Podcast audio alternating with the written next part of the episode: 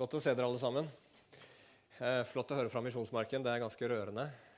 Inger Louise var inne på det, men jeg tenkte jeg bare ville understreke det. At både i, på skolen i Pakistan og på disse barnehjemmene som eh, Hvite Lilje driver, så opplæres barna i kristen tro. Så vi gir dem både det som kroppen trenger, og, og, og, det, og hjelper dem til å få en framtid på forskjellige måter. Men, vi, oi, sånn. men vi, eh, vi, eh, vi, gir dem også Jesus og evangeliet. Så det er veldig bra. I dag er det pinse, andre pinsedag. Og da må man jo snakke om Den hellige ånd, må man ikke det? Og Jeg har lyst til å ta dere med til Galaterbrevet, kapittel 5 i dag. Og så skal vi lese fra vers 16 til 25. Og så kommer også teksten opp på skjermen. da. Galaterne 5, 15 til 25. Og der leser vi i Jesu navn. Ja, 16-25. Men jeg sier, vandre i ånden, og dere skal slett ikke fullføre kjøttets begjær. For kjøttet står imot ånden, og ånden imot kjøttet. Og disse to står imot hverandre, for at dere ikke skal gjøre de ting dere vil. Men hvis dere blir ledet av ånden, da er dere ikke under loven. Kjøttets gjerninger er åpenbare. De er ekteskapsbrudd, hor, urenhet, skamløs utukt, avgudsdyrkelse, trolldom, hat, stridigheter, sjalusi, vrede, selvhevdelse, splittelser, partier, misunnelse, mord, drukkenskap, umoralsk festing og andre slike gjerninger. Om disse gjerningene sier jeg dere nå på forhånd, slik som jeg også sa til dere tidligere, at de som gjør slikt, skal ikke arve Guds rike. Men Åndens frukt er kjærlighet, glede, fred, tålmodighet, vennlighet, godhet, trofasthet, saktmodighet, selvtukt. Loven er ikke imot slike. Og de som tilhører Kristus, har korsfestet kjøttet med dets lidenskaper og lyster. Hvis vi lever i Ånden, så la oss også vandre i Ånden. Ja, kjære himmelske Far på denne dagen, Herre, hvor vi, vi, feirer det store, fantastiske som skjedde for 2000 år siden. Da Den hellige ånd ble sendt ifra himmelen og fylte de første kristne der hvor de satt og, og venta på deg og søkte deg, Gud. Og de ble forvandla, og de ble eh, som nye mennesker på så mange måter, Herre. Og de gikk ut, Herre, og forkynte overalt, Gud. Og Herre, Nå bare ber vi om at du i dag skal kaste lys over Den hellige ånds verk i våre liv, Herre. At du skal hjelpe meg til å forkynne disse ordene, Herre. At vi skal se hva Ånden gjør i våre liv, Herre. Hva som er Åndens vilje og dypeste verk i våre liv. Herre, hjelp meg. Jeg trenger deg i dag for å forkynne, Herre. Og vi trenger alle deg i dag, Herre, for å høre og la ordet få synke inn, Herre, og gjøre med oss det som du har tenkt. I Jesu navn. Amen.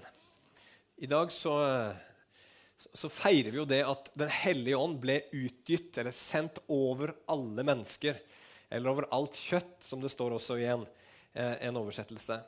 Og Det betyr ikke at alle mennesker nå har fått Den hellige ånd, men at Den hellige ånd er tilgjengelig for alle mennesker gjennom det som Jesus gjorde på korset da han døde for våre synder og sto opp igjen som seierherre over døden. Og det er klart, Vi er jo pinsevenner, så vi, vi, må, ønske, vi må jo elske denne høytiden her, elske pinsen. For da, eh, da feirer vi jo åndens kraft, ikke sant? og vi feirer mirakler og tungetall og profeti og alle de måtene som Den hellige ånd åpenbarer seg i menigheten på. Eh, og, det, og, det, er bra, og det skal vi jammen ikke legge lokk på. Men jeg har, vil argumentere i dag for at det kanskje ikke er det som er åndens, det med åndens gaver som er var hovedhensikten med at Gud gjorde Den hellige ånd tilgjengelig for alle mennesker. Jeg tror heller det har å gjøre med det som vi skal snakke om i dag, nemlig om åndens frukt. For f.eks. når vi leser i eh, Matteus 7, 22-23, eh, så sier Jesus eh, Mange skal si til meg på den dag, Herre, Herre, har vi ikke profetert i ditt navn, drevet ut demoner i ditt navn og gjort mange kraftige gjerninger i ditt navn? Men da skal jeg bekjenne for dem, jeg har aldri kjent dere.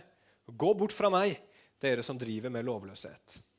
Så dette her var tydeligvis mennesker som på en eller annen måte opererte i noe som i hvert fall ligna på åndens gaver. Det var, det var liksom kraft. Men Jesus sier dere har kanskje åndens gaver i livet deres, men åndens frukt er fraværende. det betyr at dere aldri har vært mine, sier han. Eller f.eks. Paulus, som skriver i 1. Korinterbrev 13, vers 1-3.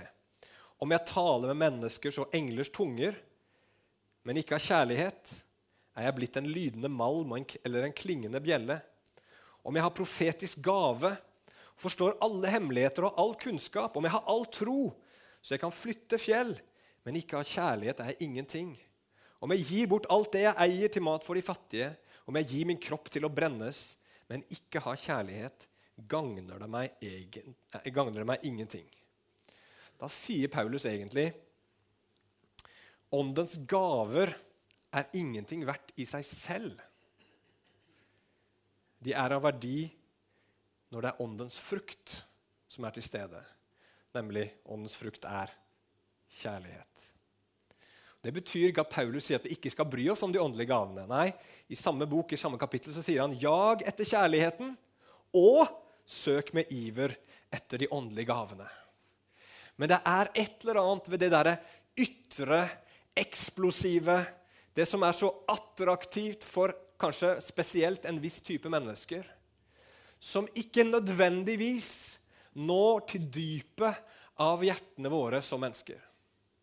Og jeg har dessverre i min korte levetid for å si det sånn da, Jeg er ikke 40 engang. Det er bare tolv dager igjen. Eh, så, så, har jeg sett veldig mange mennesker som har eh, vært veldig åndelige. De har talt i tunger, de har bedt for syke, de har profetert. De har vært veldig frimodige. Mange ganger så har jeg følt meg nesten frafallen sammenligna med disse menneskene. Men så ser jeg at i dag, kanskje ti år senere, så er det mange av de som ikke lever med Gud. Mange av de som har tatt dårlige valg i livene sine, mange av de som, som, som fornekter han, andre som lever liv som eh, ikke, ikke, er kristne liv lenger. Og Poenget er rett og slett det at jo, Den hellige ånd virker med kraft, og det skal han gjøre, og det, det vil vi at han skal gjøre. Men det viktigste verket han gjør, det må skje på dypet av våre hjerter. Slik at vi henger fast med Kristus i trofasthet og kjærlighet til Han og lever det livet som Han vil vi skal leve. Hele veien til vi kommer hjem. Så I dag så skal vi prate om det. Den hellige ånds viktigste verk. Og Jeg har bare lyst til å si litt ut fra den teksten her om hvorfor vi trenger Den hellige ånds frukt, og hva Den hellige ånds frukt er for noe, og hvordan Den hellige ånds frukt vokser fram i våre liv. Så hvorfor i all verden trenger vi Den hellige ånds frukt? Jeg har jo vært inne på det allerede, men vi trenger å forstå det litt bedre. Eh, når du er en kristen, så har du blitt tilgitt alle syndene dine. Amen. Og du har fått et nytt liv. Men du har også noe som Bibelen kaller for her kjøttet. Kjøttet. Det oversettes i noen bibler med menneskenaturen eller menneskets syndige natur. Paulus kaller det andre steder i Bibelen for det gamle mennesket. Det er nemlig sånn at alle mennesker, uansett hvem vi er, så har vi et større problem med at vi bare har gjort en del dumme ting i livene våre. Vi har en natur i oss som er i opprør mot Gud. En natur i oss som, som, eh, som gjør at vi er syndere, som gjør at vi blir dratt og frista av synden, Vi blir dratt mot disse tingene nesten instinktivt og gjør oss selv til universets sentrum. Og Det kaller Bibelen og Paulus her for kjøttets begjær. Alle mennesker har det i seg. Og Man kunne faktisk oversatt det ordet som står her, med overbegjær. Det er ikke bare at vi vil ha noen ting, men vi må ha noen ting. Vi klarer oss ikke uten. Vi tror at 'dette må jeg ha', ellers er ikke livet mitt verdt å leve. Og ut av dette overbegjæret som fins i oss, så kommer det som Bibelen kaller synd, og som er kjernen i alle problemer som fins i denne verden. Og Når du blir en kristen og får tilgivelse for alle syndene du har gjort, og du får et nytt hjerte og en ny natur, så er det allikevel sånn at noe av det gamle blir værende igjen. Dette overbegjæret, dette som kalles for kjøttet og kjøttets begjær, fins allikevel i våre liv. Og Det har alle som, lever, som er her inne, merka. Det fins noe i oss som ikke har blitt nytt, men som hører til det gamle. Og hvordan ser det ut? Hvordan ser dette monsteret ut som bor på innsiden av hver og en av oss? Jo, Paulus han hjelper oss til å forstå ved å lage en lang liste gjennom tre vers, som han kaller for kjøttets gjerninger. Hvorfor gjør han det? Hvorfor lager han sånne lister? Hvorfor er det hele veien sånne lister i Bibelen over hva som er synd? Jo, det er fordi at vi mennesker har en tendens til å vite at vi gjør gale ting. Vi kan alle lage våre lister. Jeg leste en bok med noen barn som skulle fortelle hva de mente var de mest alvorlige syndene var. Og For de så var det mobbing, juks, svik, skryt, løgn, herming og baksnakking. Det var liksom de verste tingene du kunne gjøre. Og mange av de er jo kjempebra. sant? Men når vi lager sånne lister over de tingene som er galt, så lager vi lister veldig ofte de tingene vi føler vi har sånn cirka kontroll på. Er det ikke litt sånn? Herming, der, der, er, der er jeg en helgen, altså. Ja, kanskje, ja, Jeg tror ikke jeg hermer så mye. Men dere skjønner at vi, vi mennesker er moralske. Uansett hvor, uh, hvilken tid du lever i, så klarer ikke vi mennesker å slutte å være moralske. Vi lager alltid vår egen moral. Og akkurat nå så er det skikkelig dårlig gjort å fly. Merka det? Det er umoralsk, nærmest. Men vi lager oss hele veien lover. Vi må, for vi klarer ikke å la være å være moralske. Men poenget er det at disse listene vi lager, er ikke nødvendigvis riktige. De kan være riktige, men de kan være halvferdige eller mangelfulle. Og de kan rett og slett være feil også. Men Gud, det er han som er den objektive standarden. Det han sier er galt, det er galt, for han er god. Og det han sier er godt, det er godt fordi han er god. Og når vi lager sånne lister i vår tid, så er kanskje den tingen som er mest fraværende på sånne lister, det som ofte Bibelens liste begynner med, og det er seksuelle synder. Altså seksuell umoral. Her står det ekteskapsbrudd, hor, urenhet og skamløs utukt. Hva i all verden er det? Vel, Veldig enkelt så forklarer Bibelen at det eneste som Bibelen sier er rett når det gjelder seksuell aktivitet, det er i ekteskapet mellom mann og kvinne. Så enkelt er egentlig bibelsk seksualmoral. Og så er Bibelen også klar på at det handler ikke bare om det vi gjør med kroppene våre, men det handler også om tankene og øynene våre også, og lystene våre. Og Gud han setter de syndene ofte først, fordi han kanskje vet at her er det veldig mange mennesker som trår feil. For dette her rører ved dype strenger i oss. Dette er noe som er godt og bra, og Gud skapte for at det skulle være til en velsignelse å knytte to mennesker veldig veldig tett sammen. Og Derfor er det også veldig mye kraft i det. Og når det kommer på avveie, så, så, så blir det ofte også ganske ødeleggende. Men og det er viktig å si også, selv om veldig mange mennesker tror det i dag, så er ikke det de eneste syndene Gud er opptatt av. De seksuelle syndene. Nei, lista er mye, mye lengre enn det. Og lista her er tilstrekkelig lang, sånn at det er ingen som slipper unna. Og hva er det han eh, Paulus nevner her? Jo, han nevner avgudsdyrkelse. Det sa jeg ganske mye om sist søndag, så det trenger vi ikke å ta igjen. Men han nevner også trolldom. Trolldom som en av kjødets gjerninger. Hmm. Har du tenkt over trolldom som en kjødets gjerning noen gang? Altså Trolldom det er jo alt slags mulig sånn tro på at besvergelser og kanskje trylledrikker og overnaturlige evner og, og gjenstander har magiske kraft i seg og, og liksom kan utføre ting. Og det, det, finner man i gammeldags heksekunst, og man finner også spåkoner. Men man finner også overraskende mye i vår tid i det som kalles for New Age. Min kone har studert det, så vi har snakka en del New Age i det siste. Ikke vær redd, vi er ikke på vei inn i det. Men, men, men, men, det er så mange av de tingene som er i New Age, som nettopp har med disse tingene å gjøre. Og Vi som er kristne, vi vet at det som har med New Age å gjøre, må du holde deg langt unna. For det har med onde, demoniske krefter å gjøre. Så ikke, ikke åpne deg for de greiene der. Men det som er interessant her, er at Paulus sier at dette her har med, har med kjøttet å gjøre. Altså, Min syndige natur viser seg at jeg søker inn i sånne New Age-ting. Hvorfor det? Jo, fordi trolldom, eller New Age, dypest sett handler om kontroll. Et begjær etter å kunne kontrollere sitt eget liv, kanskje kontrollere sin egen helse, kontrollere sin egen framtid. Jeg vil vite hva som skjer med meg. Derfor går jeg til en spåkone. Og over andre mennesker. Vet du, alle disse gamle eventyrene om en eller annen som får tak i en trylledrikk for å få et andre, annet menneske til å elske personen. Man vil kontrollere et annet menneske. Man vil at et annet menneske skal gjøre det jeg vil det skal gjøre. Men sånn er vi mennesker. Og når, man, da, når mennesker går inn i trolldom, så er det for at de håper på en eller annen måte å finne et eller annet som kan gi dem kontroll over livet, over virkeligheten. En annen ting som nevnes her, er hat. Og Hat i Bibelen er ikke det som veldig mange mennesker kaller hat i dag. For hat er det mye snakk om. Hatprat, og det fins hatlover, og det fins mye som har med hat å gjøre. Men hat blir veldig ofte kanskje ikke definert, men sånn som mennesker snakker om det i dag, så skjønner du at de mener at du hater dem hvis du sier noe til dem som de ikke liker. Og de føler seg fordømt, eller de føler at, uh, ja, at, at du, du syns de er dårlige, eller et eller annet sånt. Da hater du de automatisk. Det kan jo hende at det er hat som ligger bak det, men det trenger ikke være det. Hat er ikke noe, er ikke noe som kan defineres ut fra hva du føler, men hat kan defineres ut fra hva som faktisk befinner seg i mitt hjerte. At jeg vil, Hvis jeg hater, så vil jeg deg ondt.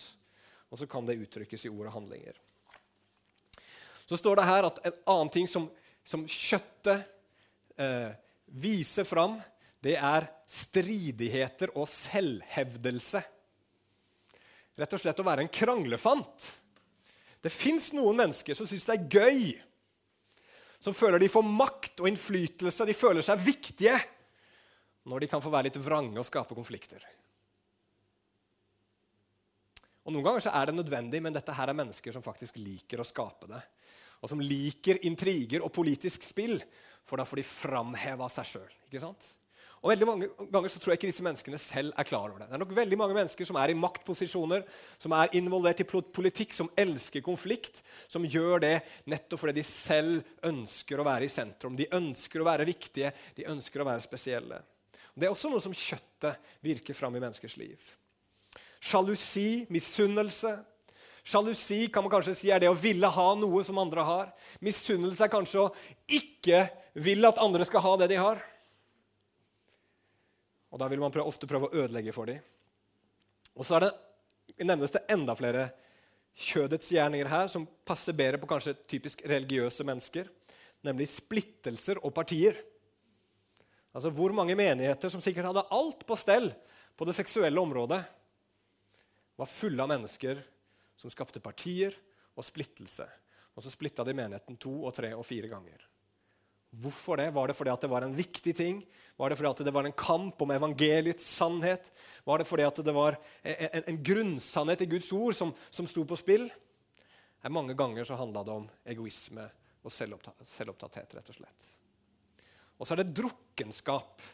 Og Her står det snakk om et ord på gresk som kan oversettes med beruselse av rusmidler. Altså alt hvor man tar en eller annen substans for å beruse seg selv, det er også noe som kommer fra vårt syndige jeg, fra vår syndige natur. Det er, det er altså ikke, ikke, en sykdom ifølge Bibelen, men det er en synd. Med dette som har med alkoholmisbruk å gjøre. Det betyr ikke at mennesker ikke blir fysisk avhengige av, eh, av, av f.eks. alkohol eller narkotika. Men at selv om mennesker kanskje kommer over den fysiske avhengigheten, så sitter allikevel et eller annet fast i livene deres som selv om alle abstinensene er vekke, gjør at de lengter tilbake og ofte faller utpå igjen. For det går dypt, det går ned i den syndige naturen som vi alle har i oss. Og sånn, og sånn kan vi fortsette. Og Paulus sier og mange andre slike ting. Fordi at våre liv manifesterer på forskjellige måter ut fra hvem vi er, forskjellige sånne gjerninger som ikke er gode, og som kommer fra vår syndige natur. Og så sier Paulus noen veldig alvorlige ord. Han sier den som gjør disse ting, skal ikke arve Guds rike. Og Det å arve Guds rike, det vil si å være en arving til Guds rike. Å være en arving til Guds rike, det vil si å være et Guds barn. Guds barn er de som skal arve Guds rike. Så det han sier at de som gjør disse ting, er ikke Guds barn. Og da føler vi oss nok litt nervøse, alle mann her. For det er sikkert ingen som ikke har brutt et eller annet på den lista som vi nevnte her nettopp. Hvordan kan det da stemme når vi tror på tilgivelse, vi tror på nåde? Vi tror at om vi synder, så kan vi bekjenne våre synder, og da er han trofast og rettferdig, som det står, og tilgir oss syndene og renser oss fra all urettferdighet. Det er godt å vite, er det ikke det? Det står i Bibelen. Det står virkelig det i Bibelen. At når vi bekjenner våre synder, så, så renser han oss fra all urettferdighet. Alt sammen. Ikke sånn ca. 99% og så må du vaske bort resten sjøl. Nei, han tar vekk alt. Amen. Du blir helt ren. Som om du aldri skulle ha synda. Det er utrolig, altså. Men det sier faktisk Guds ord. Men hva i all verden mener Paulus med det her, da? Jo, Hvis man ser litt på, på, på, på hvordan det står på det opprinnelige språket, da, på gresk, så kan man kanskje heller si at det skulle stått 'Den som holder på med disse ting, skal ikke arve Guds rike'. Med andre ord så er disse gjerningene som står beskrevet her, en, de, de, de, viser hva som er ditt naturlige miljø. Og det som er ditt naturlige miljø, viser hva som er din natur. En fisk har i sin natur gjeller. Det betyr at en fisks naturlige eh, miljø er vann. Han kan ikke leve lenge utenfor vann og søker tilbake i sitt naturlige miljø. En kristens naturlige miljø er hellighet. Vi er ikke skapt for synd. Vi er ikke skapt lenger nå. Vi er skapt i Kristus Jesus for å leve i synd. Og vi orker det ikke. Vi kan ikke bli i det. Det kjennes feil, unaturlig. Det er ikke godt. Vi hater det. Og vi vil tilbake inn i det som Gud har skapt oss til. Mens et menneske som dypest sett er en synder, trives i synden og vil ikke høre at synd er synd, og søker ikke hellighet. Og Det er poenget med det Paulus sier her. At det handler om at det avslører hva som dypest sett er din natur. Hvis du bare fortsetter å leve i dette, hvis dette er livet ditt, så viser det at syndenaturen fortsatt er det som er din dypeste natur. Men hvis du faller i det, men bekjenner din synd og kommer ut av det, så viser det at din sanne natur det er den nye naturen som Gud har skapt ved Den hellige ånd i deg. Og Poenget til Paulus her enda mer enn det, det er å fortelle oss at å seire over den negative siden i våre liv, det kan du ikke gjøre ved din egen viljestyrke. Det kan du ikke gjøre bare ved å være sterk og si 'nå skal det bli andre boller', 'nå skal jeg leve et annerledes liv'. Nei, Hvis du og jeg skal bli forandra, hvis denne siden i våre liv, som er, sitter dypt i oss, faktisk skal miste grepet på våre liv, så trenger vi Den hellige ånd. Det er bare Han som er sterk nok til å hjelpe oss til å seire over den syndige siden i våre liv. Og det skjer ved at Han lar sin frukt vokse fram i våre liv. Og hva i all verden er Den hellige ånds frukt? Hva er det for noe? Jo, godeste Paulus kom med en litt kortere liste her med ni forskjellige sånne det man i gamle dager ville kalt dyder. Her er det ikke gjerninger, men her er det dyder. Som Paulus kaller for åndens frukt i entall. Dette er noe som vokser fram samtidig. For når vi ser på denne lista her, så kan du sikkert hooke et par av de og si at her er jeg ganske god. Men så er det andre hvor du ikke er så veldig god. Men når Den hellige ånd får virke sin frukt fram i ditt liv, så kommer alle disse ni fruktene fram i livet ditt, sakte, men sikkert, samtidig. Og hva er dette her? Hva er disse kvalitetene som skal prege en kristen, og som igjen så skal føre til gode gjerninger? Jo, vi ser for det første at det er kjærlighet. Kjærlighet er vår tids mest misforståtte ord, rett, rett etter hat, kanskje. Og vi, vi, vet at I vår tid så er det over 50% av alle som inngår i et eller annet form for ekteskap eller samboerskap, de holder ikke ut i lengden. Og Til å være en tid hvor vi kanskje aldri har snakka så mye om kjærlighet som vi gjør nå, så har vi nok ikke skjønt så veldig mye om hva kjærlighet er for noe. For kjærlighet er ikke forelskelsens beruselse eller lystens begjær. Det er ikke å bli betatt av et annet menneskes sjarm eller skjønnhet eller dyktighet. Og kjærlighet er heller ikke å bli tiltrukket av noen fordi de får deg til å føle deg spesiell og elska. Det tror jeg det er mange som tror kjærlighet er i dag. Men det er jo egentlig dypest sett bare selvkjærlighet. Jeg elsker deg, for du får meg til å føle meg elska. Men kjærlighet det er noe dypere, og det er noe sterkere og det er noe vakrere det er at man binder seg til et annet menneske i trofasthet uansett hva som skjer. I selvfornektelse. Noen ganger så gjør man det selv om det ikke føles godt for en selv, men man fortsetter å elske.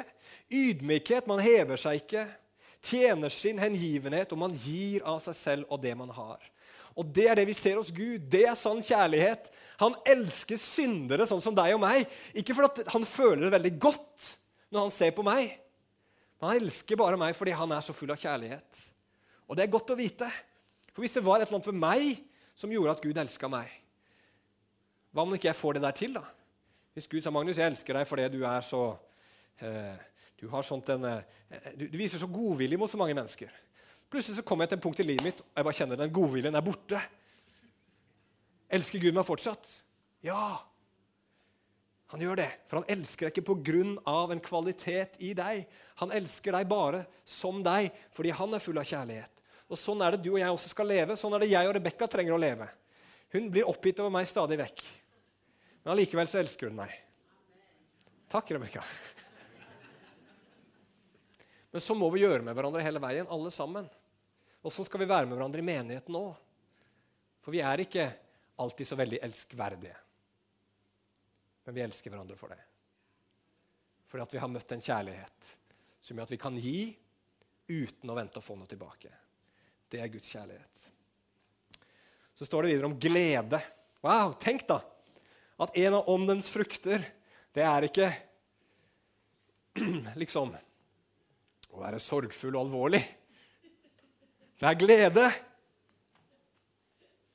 Det er en dyd. Det er en frukt av Den hellige ånd. Gud er en glad Gud, og han er full av glede. Og han vil at vi også skal være fulle av det. Og Jeg satt meg ned og tenkte hvordan skal jeg beskrive glede. Og Alle vet jo hva det er, men det er forferdelig vanskelig å definere det. Så jeg prøvde å si at det er en følelse av håp, det er en følelse av takknemlighet, av mening, av noe godt, som gir seg uttrykk i smil og latter og et lett sinn. Det er liksom ikke noe som du bruker et eller annet middel for å få fram i livet ditt, eller noe som bare har med liksom følelseslivets naturlige svingninger å gjøre. Nei, det er noe som går dypere enn det, og som har sin grunn i Gud. I den han er, og i det han har gjort. Det gjør oss glade. Og det er så bra som, sa, eh, som jeg lytter litt til. Han sa du må ikke ha din glede i noe du kan miste. For da mister du gleden din òg.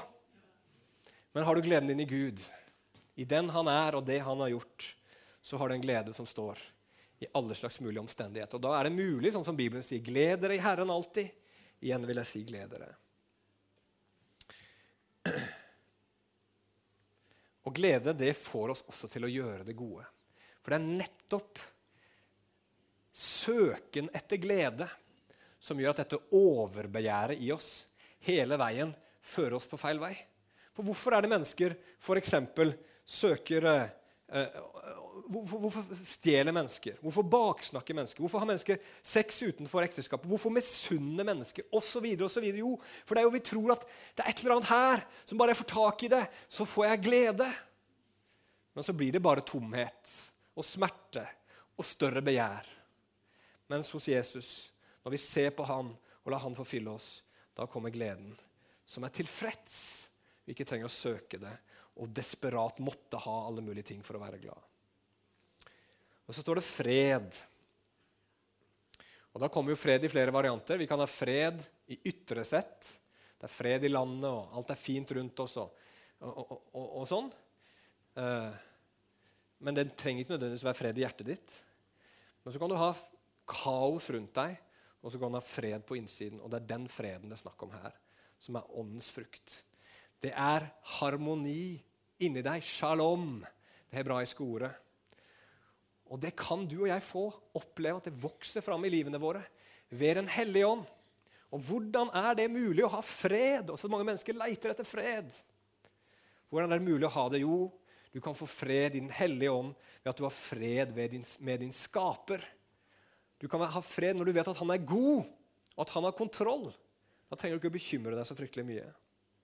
Du kan ha fred med din samvittighet når du vet at anklageren har ingenting han skulle sagt når Jesus Kristus har tatt på seg mine synder gjennom sitt fullbrakte verk på korset.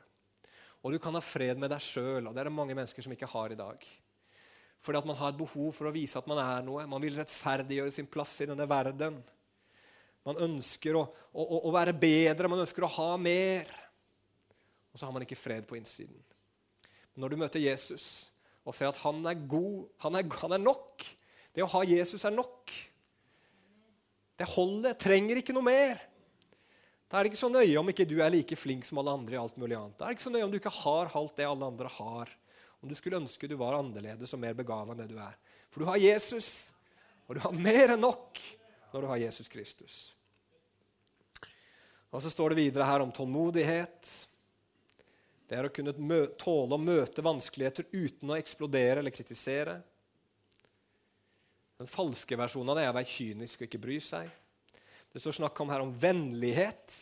Og Det er et karaktertrekk hos Gud. Det er å ville det beste for et annet menneske. Og det vil Gud. Han vil det beste for deg. Han er vennlig, han vil være din venn. Og en venn vet du, en venn vil være, vil det beste for sine venner. Og det vil Gud for alle mennesker. Og sånn skal vi være overfor andre òg. Og, og, det å ville det vel for andre mennesker, og gjøre vel for andre mennesker, det koster alltid noe. Det er alltid veldig ofte lettere å la være. Og så gjør vi bare vel når det får oss til å føle oss vel. Når det gir oss et pluss og et bonus. Men da gjør vi det dypest sett bare for oss selv igjen. Men vennlighet vil det beste for andre mennesker og kan til og med glede seg når andre lykkes med det du ikke fikk til. Tenk på den gaven der, du. Den trenger vi alle mann. Og så godhet står det videre. tenker vi, Hva er forskjellen på godhet og vennlighet? Vel, Godhet er kanskje en kvalitet ved oss mennesker når, når, ting er sånn som de skal være på innsiden. Det er ikke liksom å være snill og være ettergivende for alle muliges krav.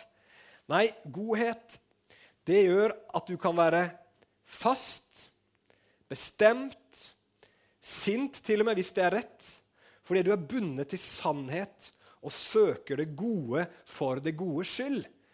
Du er god når du er sånn som du ble skapt til å være, og vil det som er godt i alle situasjoner. Se lenger enn akkurat menneskers forventninger her og nå. Så En god forelder for eksempel, en god forelder er en som er der for barna sine og er interessert i barna sine.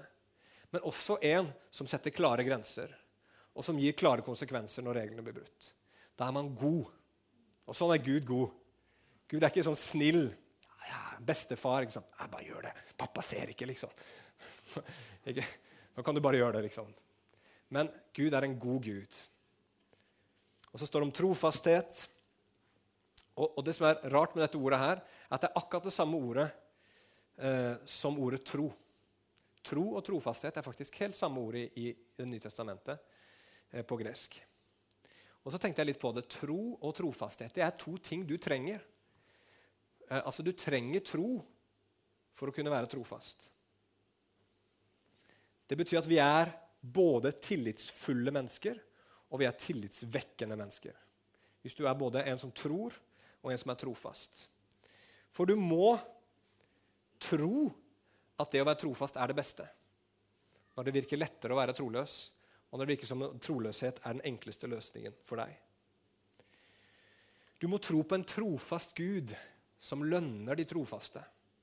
For trofasthet koster noe.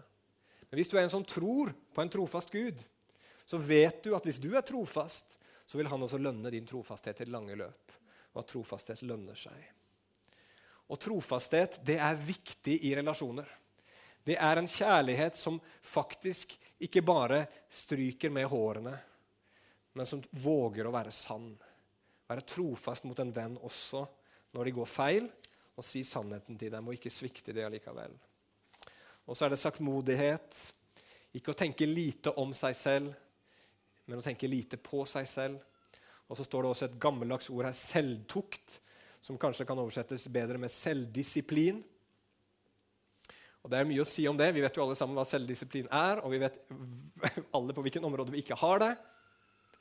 Men en fin definisjon på det, det er evnen til å konsentrere seg om hva som er viktig, heller om det som haster akkurat nå. Mange av oss kan leve livene våre sånn at vi bare lever alle de tingene vi må gjøre. Og så tenker vi ikke langsiktig og tar de gode valgene og gjør de gode prioriteringene på sikt, sånn at vi gjør alt det som vi vet at vi burde gjøre. Eh, og så blir vi slaver av alt det som må gjøres akkurat nå. Viljestyrke er ikke selvdisiplin. Viljestyrke det er heller en slags stolthet som handler om et behov for å få kontroll. Ok, Nå har vi da malt et bilde av hva som kommer fra kjøttet vårt. Vi har malt et bilde av hva Den hellige ånd la vokse fram i livene våre. Og Jeg regner med at vi alle sammen sitter her og føler oss passelig utilstrekkelige. så skal jeg komme med litt gode nyheter til slutt. da. Hvordan Den hellige ånds frukt vokser fram. Dette her er ikke noe som du og jeg kan produsere og det var jeg inne på, med din egen viljestyrke og din egen innsatsvilje. Det er ikke noe som du finner under loven, som Paulus snakker om her. Hvis du går under loven, så setter du opp en rekke med krav og bud og regler, og så sier du nå er det opp til meg å følge alle disse budene og reglene, og så skal det bli bra. Så skal jeg fikse mitt eget liv, og så skal jeg få alt på stell. Og Sånn vil vi gjerne mennesker gjøre det. Vi vil fikse det sjøl. Vi vil klare det sjøl. Og så legger vi oss under loven istedenfor å legge oss under, loven, eh, under nåden. unnskyld. Men det å være under nåden er ikke passivitet. Det er ikke at 'nå gjør jeg ingenting', og så kommer dette her bare til å skje av, seg sjøl. Nei, det skjer Det er noe som Gud gjør. Det er åndens frukt, ikke din. Men samtidig så er det noe du og jeg har å gjøre, som Paulus snakker om her. Og Det skal vi straks se på. Eh, men selv det vi har å gjøre som kristne, det har med noe som en annen har gjort for deg. Og Det skal vi også se på. Men for det første, det er åndens frukt. Det er åndens frukt, og det er ikke din frukt. Det er ikke Magnus sin frukt, det er ikke eh, Inger Louise sin frukt, men det er åndens frukt som skal vokse fram i våre liv. Og fordi han er i ditt liv, så vil det nødvendigvis vokse fram. Derfor er det så viktig å få Den hellige ånd inn i sitt liv. Og hvordan får man Den hellige ånd inn i sitt liv? Jo, du får bare Den hellige ånd inn i ditt liv på én en eneste måte, og det er gjennom det Jesus gjorde på Golgata kors. Det er den eneste veien du og jeg kan få en hellig ånd inn i uhellige, vanhellige, syndige mennesker som oss. Og Da må du ved Guds hjelp se din egen synd, se at du er et fallent menneske, se at du har synda mot den levende Gud. Og så må du se ved Guds hjelp korset, hvor Jesus henger i kjærlighet til deg og bærer alle dine synder, alle du har gjort og alle du kommer til å gjøre, fordi han elsker deg, fordi han vil frelse deg, fordi han vil rense deg, fordi han vil gjøre deg ny, fordi han vil ta det ødelagte som synden og djevelen og dine dårlige valg har ødelagt. Og så vil han ta dette leirkaret som du er, og så vil han gjøre deg og forme deg på nytt igjen til noe vakkert i sitt eget bilde. Og det gjør han fordi han elsker deg. Og det gjør han når du sier, 'Ja, Jesus, jeg trenger deg. Jeg klarer ikke dette sjøl.' 'Redd meg, Jesus. Frels meg. Forandre meg.' Så kommer Jesus alltid til alle de som kaller på han. Han sier aldri nei. Jesus sier aldri nei til de som kaller på han. Han frelser alle som kommer til han. Å, takk Gud for det. Og da blir du født på nytt, og da får du Den hellige ånd. Du er ikke født av menneskers vilje, du er ikke født av, av, kjøds vilje, står det, men da blir du født av Gud ved Den hellige ånd. Og ingen kan se Guds rike hvis han ikke blir født av vann og ånd. Han blir født eh, på nytt ved Den hellige ånd. Og så, når du blir født på nytt og får Den hellige ånd på innsiden av deg, så oppfordrer Bibelen oss til å stadig bli fylt av ånden. Stadig la Den hellige ånd få fylle hele ditt vesen. Og la sitt liv gå gjennom ånd og sjel og kropp og alt det du er. Sånn som det skjedde med disiplene på pinsedagen. De ble alle fylt av Den hellige ånd. Og det gjorde noe med dem. Og du og jeg får den oppfordringa som Paulus gir oss. Bli ikke drukne av vin, for det fører bare til utskeielser. Men bli fylt av Ånden. Og Har du ikke opplevd å bli fylt av Den hellige ånd, så er vi en pinsemenighet, og vi elsker å be for mennesker at de skal bli fylt med Ånden. Og Vi ber for det om igjen og om igjen, og om igjen, og så får vi erfare den kraften som kommer fra Den hellige ånd. Og så, når Ånden er på plass, så vil dette vokse fram, og så vil det fylle hele deg. Og så vil Gud la eh, disse fruktene vokse fram med, med, med, garantert. Men det tar tid. Har du prøvd å stå ved et epletre og se på eplene vokse? Du ser ingenting. Og Sånn vil du også erfare ditt liv. Du tenker åh, jeg skulle ønske det skjedde mer i livet mitt. Men hvis du tenker ti år tilbake, hvis du har levd med Jesus i ti år, så kan du se at det er mange ting som har forandra seg. Mange ting du gjorde da, tenkte da, holdninger du hadde da, som Gud har gjort noe med. Og det er Den hellige ånds verk. Og så blir vi oppfordra til å gjøre noe. Og det er å vandre i ånden, står det her blir ledet, drevet av Ånden. Og så står det 'vandre i Ånden' igjen i vers 25. Men der skulle man kanskje heller oversatt det med 'marsjere i takt med Ånden'. Hva er det Hva er det vi har å gjøre oppi det her? At Den hellige ånd gjør noe, men vi skal vandre i Ånden. Hva betyr det? Jo, i stedet for å gi etter for kjøttets begjær, så skal vi gi etter for åndens begjær. Ånden begjærer noe. Han begjærer mot kjøttet. Og Hva er det ånden begjærer? Hva er det ånden vil? Hvordan han er på vei? Hvordan han vil føre oss? Jo, de gode nyhetene er han vil føre deg til Jesus. Han vil føre deg til Jesus igjen og igjen. Han vil åpenbare Jesus for deg. Han vil gjøre Jesus synlig, tydelig, levende for deg. Han vil at du skal se på det korset, se på nåden om igjen og om igjen og om igjen. og om igjen. Holde deg til det korset, si at Jesus er nok for deg, at han er alt du trenger. Og så kommer du inn i tilbedelse. Og der vokser åndens frukt fram i ditt liv.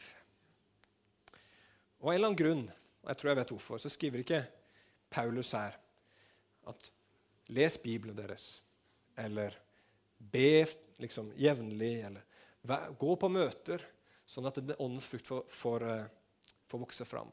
Selv om det er i de tingene der at vi møter Jesus. Vi møter Jesus i bønn. Vi møter Jesus når vi leser Guds ord. Vi møter Jesus når vi er her på gudstjeneste. Men han sier ikke 'gjør disse tingene', for du kan gjøre alle de tingene uten å vandre i ånden.